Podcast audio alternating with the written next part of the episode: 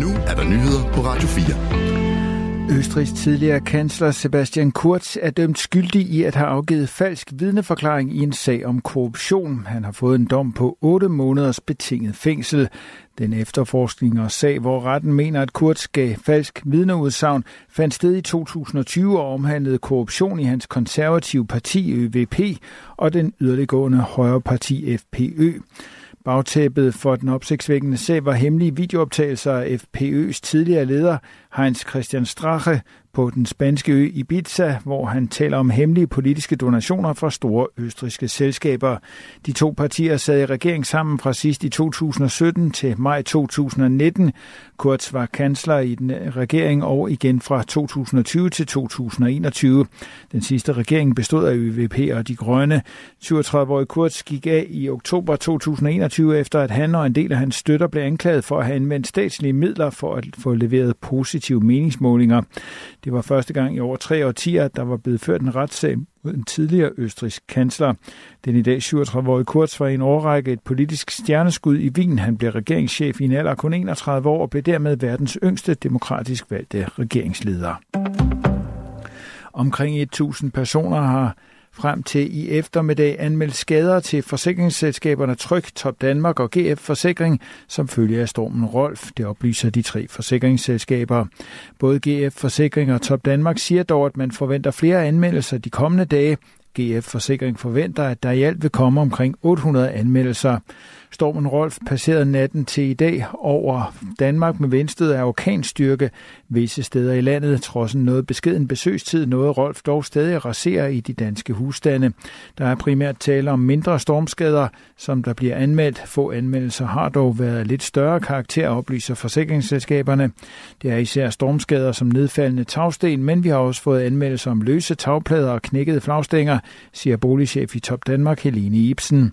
Både Top Danmark og Tryg skriver, at det især er deres kunder i Nordjylland, der er blevet hårdt ramt af skader efter stormen. Efter en undersøgelse af en polsk vikarvirksomhed er 33 indre blevet sigtet for overtrædelse af udlændingeloven.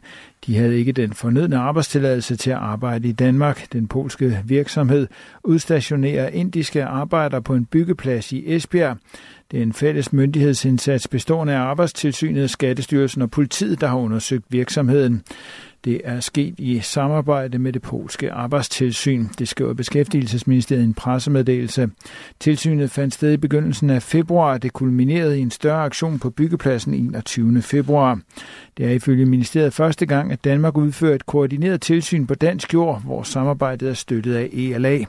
ELA står for den europæiske arbejdsmarkedsmyndighed. Det er et EU-agentur, som blev grundlagt i 2019. Målet er gennem deling af information at forbedre myndighedsarbejdet over grænserne og håndhævelse i landene. Beskæftigelsesminister Ene Halsbo Jørgensen siger, at vi ikke vil finde os i, at spillereglerne på det danske arbejdsmarked ikke overholdes. Jeg er derfor glad for, at vores internationale samarbejde mod social dumping viser det svær. Mange af de udfordringer, vi har i Danmark med ulovlig udstationering af tredje landes statsborgere, er også en udfordring i resten af Europa, lyder det i pressemeddelelsen. Der er indledt en rekonstruktion af selskabet bag fodboldklubben Esbjerg FB, det oplyser klubben i en pressemeddelelse. Det er en begæring fra en kreditor, som har fået skifteretten i Esbjerg til at indlede en rekonstruktion af selskabet EFB Elite AS. Divisionsforeningen oplyser til Ritzau, at Esbjerg ifølge DBU's love kommer til at blive fratrukket 9 point i tilfælde af en rekonstruktion. De nærmere forhold omkring den nuværende situation skal dog undersøges nærmere, før man kan sige noget håndfast om, hvad der kommer til at ske.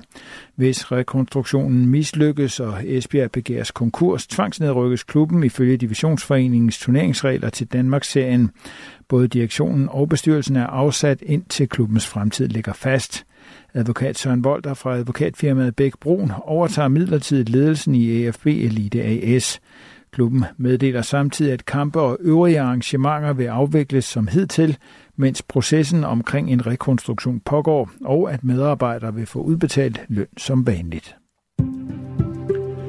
I aften og i nat til dels klart vejr med spredte byer, men i nat efterhånden mest tørt. Temperaturer mellem frysepunktet og 4 graders varme.